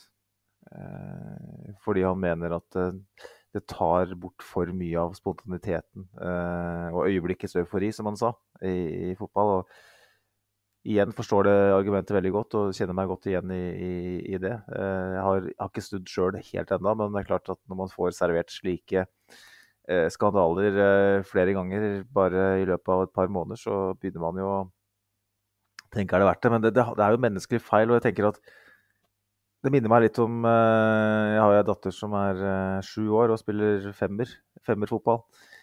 Og da er man på et sånt nivå at eh, når man slipper i mål, så, så er det fortsatt sånn at man må få tydelig beskjed om at du skal starte på midten. For keeperen begynner fortsatt å sette i gang fra, fra egen boks, eh, eller egen tremeter, tror jeg kalle det det. Eh, og så er det sånn Nei, du skal starte på midten! Ta ballen på midten! Og så er det sånn, Nå har, det, nå har du slitt inn åtte mål i den kampen, her, liksom. nå må du snart våkne. Eh, og så har du en dommer ofte, da, i, som er 13 år, ikke sant, som skal tjene 150 kroner. Eh, og som har omtrent uh, den samme autoriteten som en eh, av ål, liksom. Har ingenting å Tør ikke å si fra til innkast, ikke sant. Ser at ballen er ute, men nei, jeg gidder ikke å heve stemmen her. Uh, og det blir litt på den måten, da, at uh, hvis, hvis, hvis, du på en måte ikke er Jeg var forresten for et par uker siden så var jeg på en kamp hvor, eh, hvor, eh, hvor det ble tatt det verste feilkastet jeg har sett noensinne. Han tok rett og slett uh, innkast med å holde ballen inntil uh, sida av kroppen og bare slippe den på banen. Tok ikke ballen over hodet engang. Han, tok, tok den ikke over navlen engang. Og dommeren bare Ja, ja, jeg har ikke lyst til å si fra her, jeg. Og det er litt sånn den samme greia at er du så lite på jobb som de gutta her i det, varrommet, liksom, at du ikke legger merke til at, at det blir tatt femmeter og ikke avspark. Jeg bare synes det er Du kan ikke skylde på teknologien nå. Du kan ikke si at det VAR som er problemet. For meg så blir det blir så useriøst da, å si at nei, men det er jo teknologien. Da. At det, det, blir Det funker i det verktøyet det funker ikke, liksom. Altså, da er du full på jobb, altså. Da møter du på jobb med bustete hår og og ble, skrukkete hvit skjorte og en blazer med kebabsaus på. altså. Da er du helt ute av det. Beklager. Ikke skyld på teknologien. Når må ikke legger merke til det. Jeg syns det er gøy at det går an å bli så ute. Nei, det, det, her det er noe av det verste eh, jeg har vært borti når det gjelder fotball noensinne. Og jeg må bare si det at eh, tross eh, Apropos runkeringer og, og, Liverpool og alt jeg har gjennomgått i barndommen med Liverpool-familie og Liverpool-kompiser og sånn, så tenker jeg at akkurat her så har jeg faktisk ganske mye sympati. For det her, hadde det her skjedd med Arsenal, så, så kunne ikke jeg spilt en episode i kveld. Nei, det hadde vært kjefting eh, la det vi hadde mot Brentford i fjor. Eh, det er jo så, Du kan ikke skylde på teknologien her. Det blir Uh, uten, å, uten, å, nevne navn, en i min nær familie som syns at høreapparatet ikke funka, men uh, det lå på badet. Uh, det, var, um, det, det, det, er ikke så lett å få de til å funke hvis du ikke har det i øret. det er liksom, du, du, må faktisk, du må faktisk være litt våken for å, for å kunne utnytte teknologien du har framfor deg. og, og det her skal, skal være fotballdommere som sitter i varebussen. Det, er ganske, ganske gøy.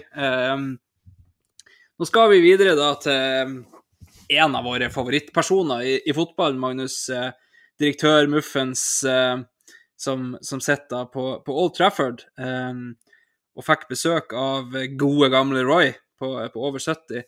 Kommer inn der med gåstol og, og setter seg ned på, på, benken og tenker at her, skal vi, her skal vi se hva det her blir. For de møttes jo i Lia-cupen, og, og, da var det ganske grei skuring for United. altså Det var, det var walk in the park.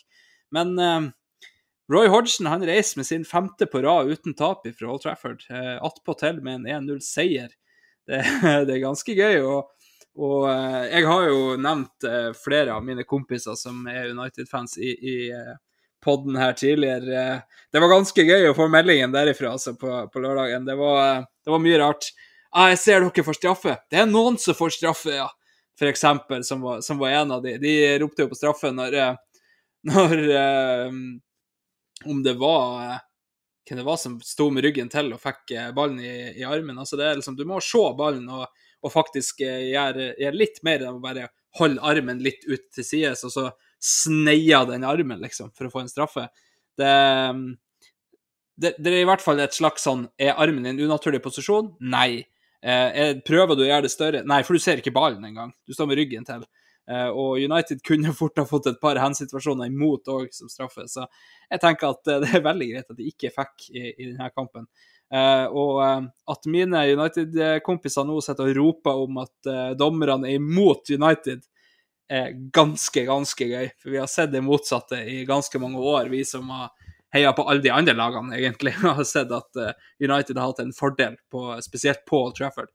Og um, at de nå kanskje ikke får alle de marginene med, det er litt grann gøy. Så får uh, uh, Mr. Muffins heller stå der og, og være sur etter, etter kampene, altså. Det, det, er veldig, veldig gøy. Men at Roy Hodgson i en alder av 70 pluss kan komme til Old Trafford og, og fortsatt være Premier League-manager og ferdig fra med tre poeng, det, det, gjør jo at det er mulig for oss alle, Magnus, å, å, å, eh, drive litt med fotball, i hvert fall. Eh, da, per, eller sånn i, i, sammenligning så skal ikke jeg hjem og spille fotball før jeg er 63. Det, det blir, blir, gøy, det, å spille femtedivisjon som eh, 60-åring med, med støttebandasjer både her og der. Det, det tror jeg blir veldig, veldig gøy. Har vi noe mer, Magnus, vi skal innom? Eh, nå har klokka gått litt ifra oss, eh, og begge to skal på jobb. Det er jo sånn det bruker å bli. Eh, tida går fort i, i godt selskap eh, osv., osv. Men eh, er det noe du føler som er usnakka i, i kveldens eh, prat? Nei, det er jo alltid, alltid noe å, å, å, ta tak i. Jeg tenker Uh, vi skal prøve å holde oss under en halvannen time. Da har vi ti minutter cirka på oss. Uh, jeg syns jo uh, Vi nevnte vel bare veldig i forbifarten Arsenal og Wayboys. Jeg ser flere på Twitter skriver til oss om det. Nå, nå skal jeg ikke begynne å scrolle i feeden igjen, men takk til alle de innspillene. Eh, alle øvrige innspill. Men måten Altså, det har jo blitt uh, en Vi blir jo beskyldt som uh, fanbase å ikke være bak Kai Havertz. Uh, og så er det Waka Waka osv. på tribunen, og han får altså så varm støtte. og bortefansen på Vitality i går, det, det syns jeg vi skal ta oss et minutt og snakke om, Andreas. Og, Eh, for en som sitter eh, på en øy hvor eh, ferga står pga. manglende vindusvisker, hva slags følelse fylles du med når du hører de gutta, og damene òg, ikke minst, og barna, som sitter på skulderen til faren sin, og som gir, gir en sånn Kall det sånn resolutt uh, kompromissløs støtte til gutta, inkludert spillere som er helt i kjelleren selvtillitsmessig. Vi har jo sett det tidligere òg. Eh, Saliba som gjorde en kjempetabbe i fjor. To sekunder etterpå står fansen og synger navnet hans. Eh, fansen stemte jo fram Kai Havertz som man of the match eh, i, i, går. Jeg syns han var flere hakk under f.eks. Ødegaard, men, men varma jo at han får den. Det virker som at fansen har bare bestemt seg for at her skal vi ikke gjøre det Chelsea-fansen gjorde. Eh, vi skal løfte han, vi skal ikke grave han ned. Eh, og, det syns jeg er en sånn gjengangsmelodi da, i hele, i hele fanbasen. Vi, vi, eh, når spillere gjør tabber, så er det den sangen som kommer neste. Det, det er liksom Hadde Fabio Vieira gjort en kjempetabbe og gitt bort ballen og det hadde endt i et mål, så hadde de sunget Vieira-sangen rett etterpå. Eh, på samme måte som de gjør med, med, Saliba i fjor og, og Kai Havertz her. Nå skårer Kai Havertz, altså. Eh, og da er det bare Kai Havertz scores again med en gang. Det er, det, det er herlig å, å høre den, den støtten. Um, Arsenal-fansen har, som du sier, egentlig ganske lenge hatt et veldig dårlig rykte. og, og til dels ganske fortjent, spesielt hjemme i, i, det vi husker som The Banter Era.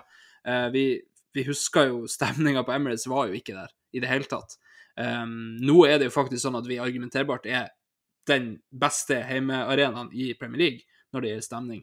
Um, vet jo at enkelte som er kanskje i hvert fall 30-40 pluss, vil jo begynne å rope Anfield med en gang, men, uh, men jeg, altså Det volumnivået som er på Emirates, og som er der gjennom 90 minutter i stort sett alle kampene, det er det få som kan matche, altså. Uh, og, og, det er herlig å se. Det er en Ariteta har hatt fokus på det, få med fansen, eh, som vi har prata om så mange ganger tidligere, der Wenger heller hadde følt det ansvaret for å vekke fansen med fotballen, så, så har Ariteta fridd til fansen hele veien, tatt de med, tatt inn North London Forever, ikke sant, tatt inn sånne ting, fridd til fansen hele tida. Du ser at det er et fokus. Det er det første de gjør i intervju. De takker fansen, de takker for supporten, uansett om de er hjemme eller borte. Eh, de tar den runden. Uansett tap eller seier, så tar de den runden og takker fansen. Det er liksom Det er, Ja, nå har vi jo ikke sett tap i år, da. Det, så vi får jo vente og se til vi faktisk gjør det. Men, eh, men ja, altså Det er så deilig å høre. Eh, det er jo sånn at når North London Forever runga utover Anfield i fjor, og vi overdøvde eh, overdøvde uh, heimesupporterne Det var vel ikke North London Forever, men altså eh, bortefansen overdøvde Anfield. Da er det jo sånn at du sitter med gåsehud. Når, når uh, Champions League-anthemen går over eh, Emirates, og North London Forever går over Emirates eh, på en måte i, i, i, samme, i samme sekvens omtrent, så, så er det jo tårer i øyekroken. Det er, det er så sinnssykt å høre på. Det er så deilig. Og nå har vi et, et bredt eh, arsenal av, av supportersanger å velge mellom, og, og, de går på rundgang i hele kampene, altså. Det, det er 90 minutter med lyd, og det, og det er så deilig. Um, regner med at du sitter med samme følelsen, Magnus, du som har opplevd eh, Hybrid? Ja, det én gang. Eh, så jeg skal ikke påberope meg å være noe uh, der. der. Og det var jo 2006, så det var liksom ikke i, i, på den tida hvor alt fløt, sånn som et par år tidligere, da. Men jeg var mye på Emirates. eller har vært veldig mye på Emirates, egentlig. Jeg har sikkert over 50 kamper der. Og forskjellen nå kontra før er jo helt ekstrem. Uh, uten å gå nærmere inn på det. Uh, jeg må bare, bare korrigere meg sjøl. Jeg tror jeg klarte å benytte et begrep kompromissløs kjærlighet om Guy Havertz. Det er noe helt annet enn det jeg mente. Jeg mente betingelsesløs kjærlighet, selvfølgelig. Bare det at jeg leter litt etter ordene i, kveld. For det, jeg har både syretrans fra tivoli og ikke minst grevling grevlingkollekviet uh, fra kjellerstua eh, liggende i hjernebarken. Så hodet mitt spinner. Men uh, jeg syns det er Ikke for å ta på meg ordstyrerhatten, Andreas, men siste, siste, delen av aller siste segmentet i dag Altså før vi skal Eller, et, eller hva skal jeg si? Ja? etter at vi har slått Lens, altså fotballaget Lens i midtuka Eh, jeg tenker vi, vi skal spille Champions League eh, bort til Frankrike. og Vi kan sikkert snakke om det, men jeg, jeg tror ikke vi har tid til det. Men vi skal jo ikke på lufta igjen før etter City. Og jeg syns vi skal ta noen bitte, bitte små minutter, eh, ettersom det er Altså, vi må jo på en måte Hvis vi, hvis vi ser for oss at Arsenal er en gullkandidat, da, eh, så skal vi faktisk inn i en av de kampene som skal definere hvordan denne sesongen her blir eh, om ei ukes tid. Så da skal vi spille mot Manchester City. Vi har muligheten, i motsetning til i fjor, når eh, kampen ble utsatt pga. av en majestets eh, avgang. Eh, så har vi muligheten nå til å, å eh, rett og slett såre vår store rival i, i gullkampen. Manchester City på Emirates uten, uten Rodry. Eh, ett poeng bak. Et tap er sånn sett ikke noe krise, men en seier vil bety ekstremt mye. Eh, skal vi eh, ta litt prediksjoner, Andreas? Hvordan tror du den kampen eh, Ikke nødvendigvis resultat, men hvordan tror du den kampen blir? Ja, som du sier, etter at vi har slått, eh, slått Lens eh, nå er det jo faktisk sånn at uh, å slå lens, som dere kaller det, å slå lens her oppe, jeg syns jo vi, vi, er nærmere det originale uttalen uh, på det franske laget lens, uh, med, med vår mer bruk av æ. Men, men nok om sånne aktiviteter. Vi,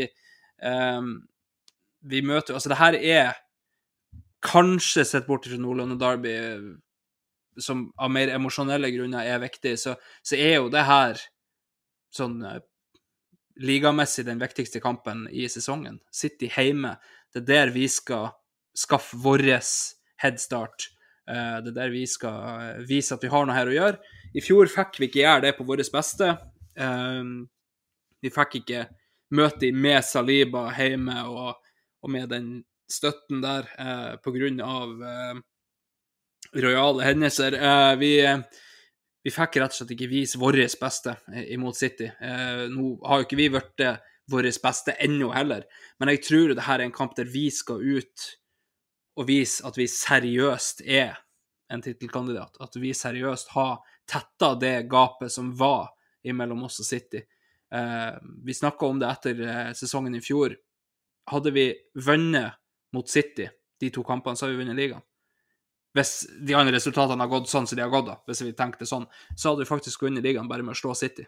Eh, og, og det, det, viser hvor nøye de her kampene er. Um, det er ikke noe som heter gratisreise lenger. Det er ikke noen sånne kamper der du kan avgi poeng.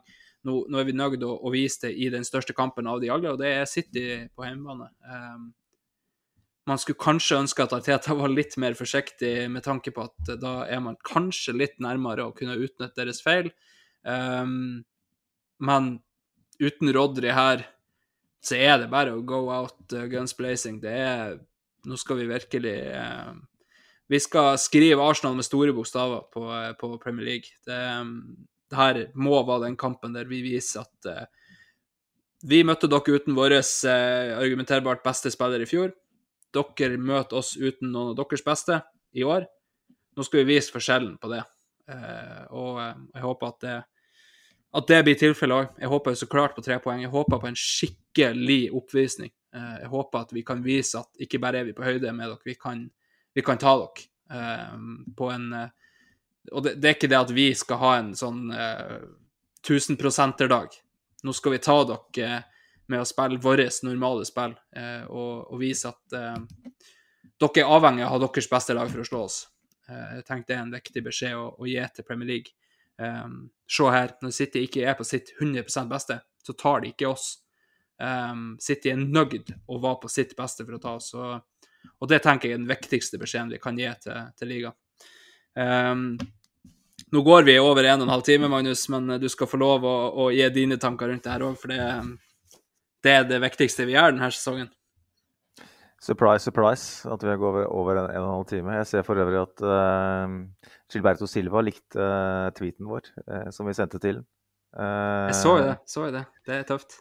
Han skal jo på besøk hos Arsenal Danmark nå, og skrev at han gleda seg til å møte danske Gunners. Så da sendte bare ut en tweet om, til, til, Gilberto om at det er også masse, masse norske Arsenal-fans som ønsker å høre fra deg.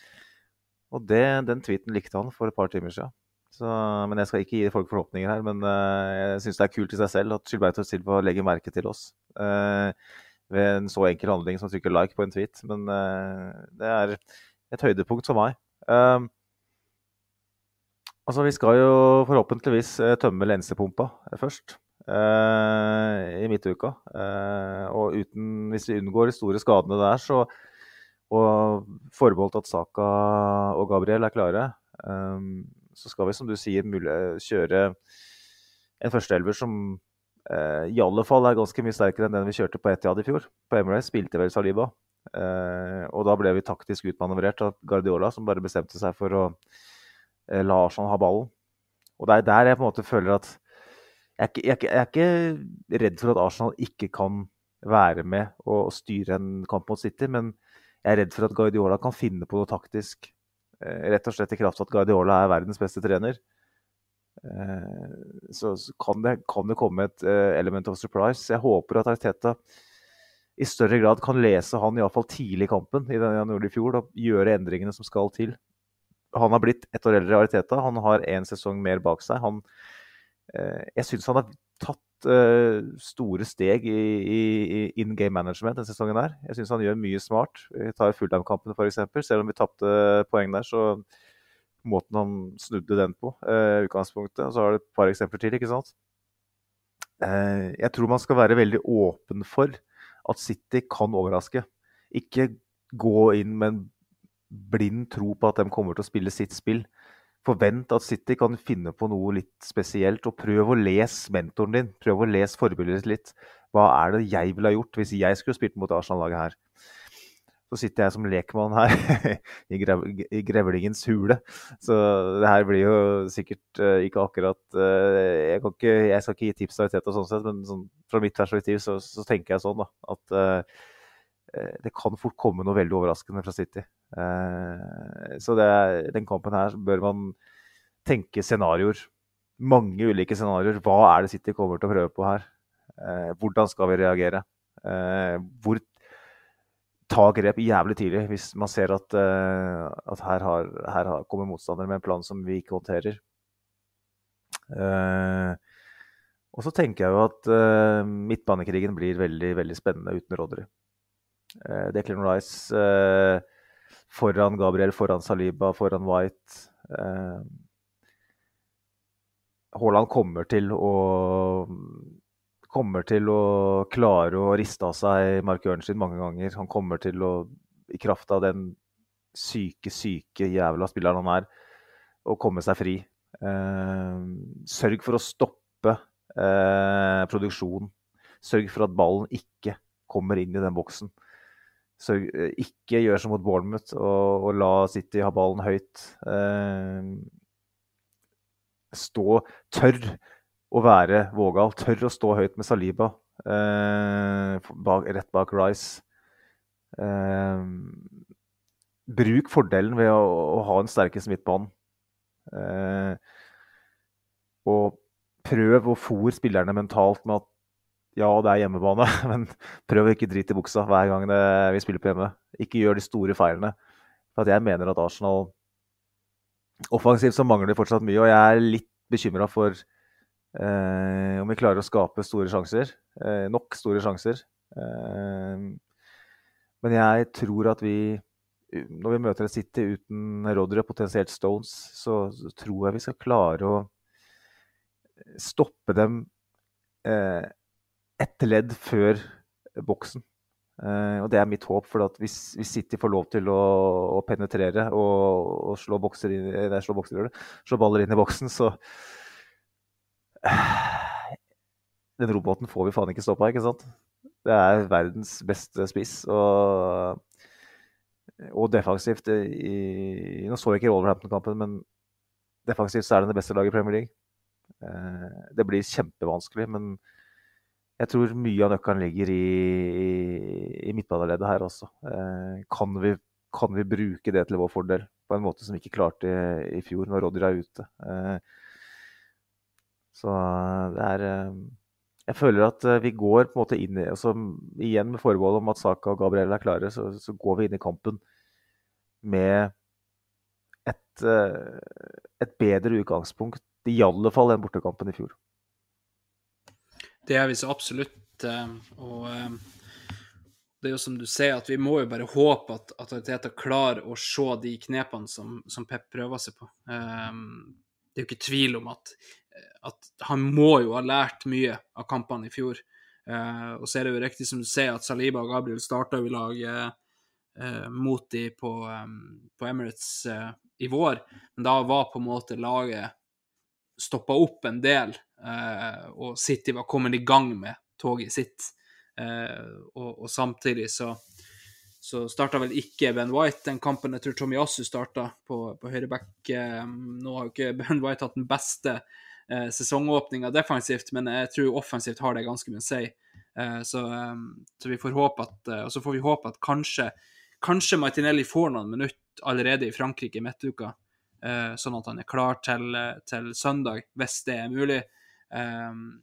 Thomas Party er vel håpløst, så det, det er vel ikke noe å, å, tenke på sånn sett. sånn som jeg har forstått uh, Ariteta, i hvert fall på pressekonferansene. Uh, og så er det bare å håpe at Gabriel er er fit, selv om han halta av banen eh, eller etter kampen tydeligvis mot Bournemouth, um, og at Saka spretter tilbake. Saka har jo en sånn tendens til å eh, Jeg sa det jo til, til flere kompiser som spoler i helga og etter fantasy-tips, da, at ja, er Saka tilbake? Er, skal han spille? Og bla, bla, bla. Så sier jeg når Saka er gul, så starter han på, på Fantasy. Er han rød, så er han ute, det er greit. Men, men hvis han er gul, så starter han. Det er ikke noe problem. Eh, Saka starter ikke på benken, han starter. Eh, og, og, hvis han er i nærheten, altså hvis han ikke bare er et hode uh, uten kropp uh, som skal hoppe rundt ute på banen der, så starter saka på, på, søndag. Det er jeg overbevist om. Om de så må sette inn både morfin og, og i det hele tatt for å få han utpå der, så tipper jeg de gjør det. Så vi får bare håpe at det, det blir det resultatet vi, vi aller helst kan tenke oss. Og da, hvis det ikke er noe mer, så tenker jeg jo at klokka har gått ifra oss litt at vi skal vi skal busse lalle begge to og, og, komme oss på jobb i morgen tidlig. Eh, hvis ikke, så, så, kan det bli tungt. Eh, Så da er det jo ikke så, så veldig mye mer å si enn at eh, fortsett med um, spørsmål og innspill. Det er dere fantastisk selv, og vi setter pris på hvert eneste ett. Um, hvis dere ikke allerede har gjort det, så følg oss på, på både Facebook, der vi heter Arsenal Station Pod, følg oss på Twitter, eller X som det heter nå, da, der vi heter Pod Arsenal. Um, følg Sivert for, for banter, det er veldig, veldig gøy. Uh, at Sivert pluss uh, 10, på, på uh, X. For der er det mye, mye gøy. Uh, han han starta veldig mange fine diskusjoner. Det er synd vi ikke hadde han her i dag, for uh, det hadde nok vært flere diskusjoner han kunne ha starta i dag, uh, som, som, hadde vært interessant. han har veldig mange interessante meninger, Sivert, og det er ikke at jeg sier at de er feil. For jeg vet at Sivert kommer til å høre på det her i morgen. så for ikke så dårlige ord, eller det dårlig stemning der, så er det, det er ikke at de er feil, det er bare at han ser på, noe, ser på ting på et annet måte enn det, det vi gjør, ofte. Og det er veldig veldig gøy, for han er en generasjon, ikke generasjon, men fotballgenerasjon under oss. da. Så gjør at han ser på ting litt annerledes. Og, og, veldig interessant å høre meningene hans ofte. Så vi håper at han er tilbake etter City og, og kan enten slakt eller hyll. Vi, vi får eh, håpe på det siste. som sagt, fortsett å, å melde og spørre og kommentere og alt det her, for det er veldig, veldig gøy. vi høres etter City. og nå har jo sagt 'vi høres', men jeg må føye på med et uh, 'vi høres' ifra meg. Og uh, Magnus ifra deg. Jeg sa ikke lansere noe nytt uh, En ny gimmick her, så jeg sier bare ha det, ha det. Hei.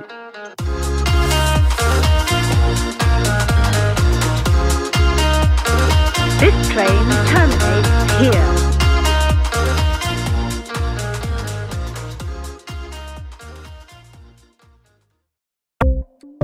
Ukens annonsør er HelloFresh. HelloFresh er verdens ledende matkasseleverandør og kan være redningen i en travel hverdag.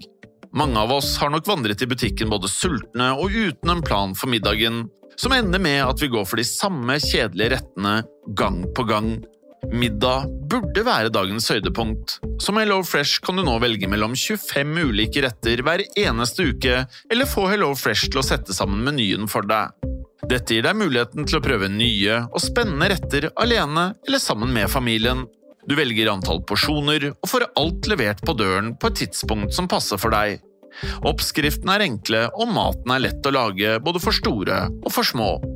Ved å få alt levert hjem får du også mer tid til å dele matgleden med familie og venner. Kanskje det frister med asiatiske tacos eller greskinspirert kylling? Da kan jeg anbefale deg om å gå inn på hellofresh.no. Her kan du bruke koden FOTBALL og få opptil 1779 kroner i rabatt på de første fem matkastene hvis du ikke har prøvd Hello Fresh tidligere. Du kan også bruke rabatten hvis du har vært kunde og stoppet abonnementet ditt for tolv måneder siden eller lengre. Gå inn på hellofresh.no og bruk koden FOTBALL. Har du et enkeltpersonforetak eller en liten bedrift? Da er du sikkert lei av å høre meg snakke om hvor enkelt det er med kvitteringer og bilag i fiken, så vi eh, gir oss her, vi. Fordi vi liker enkelt. Fiken superenkelt regnskap.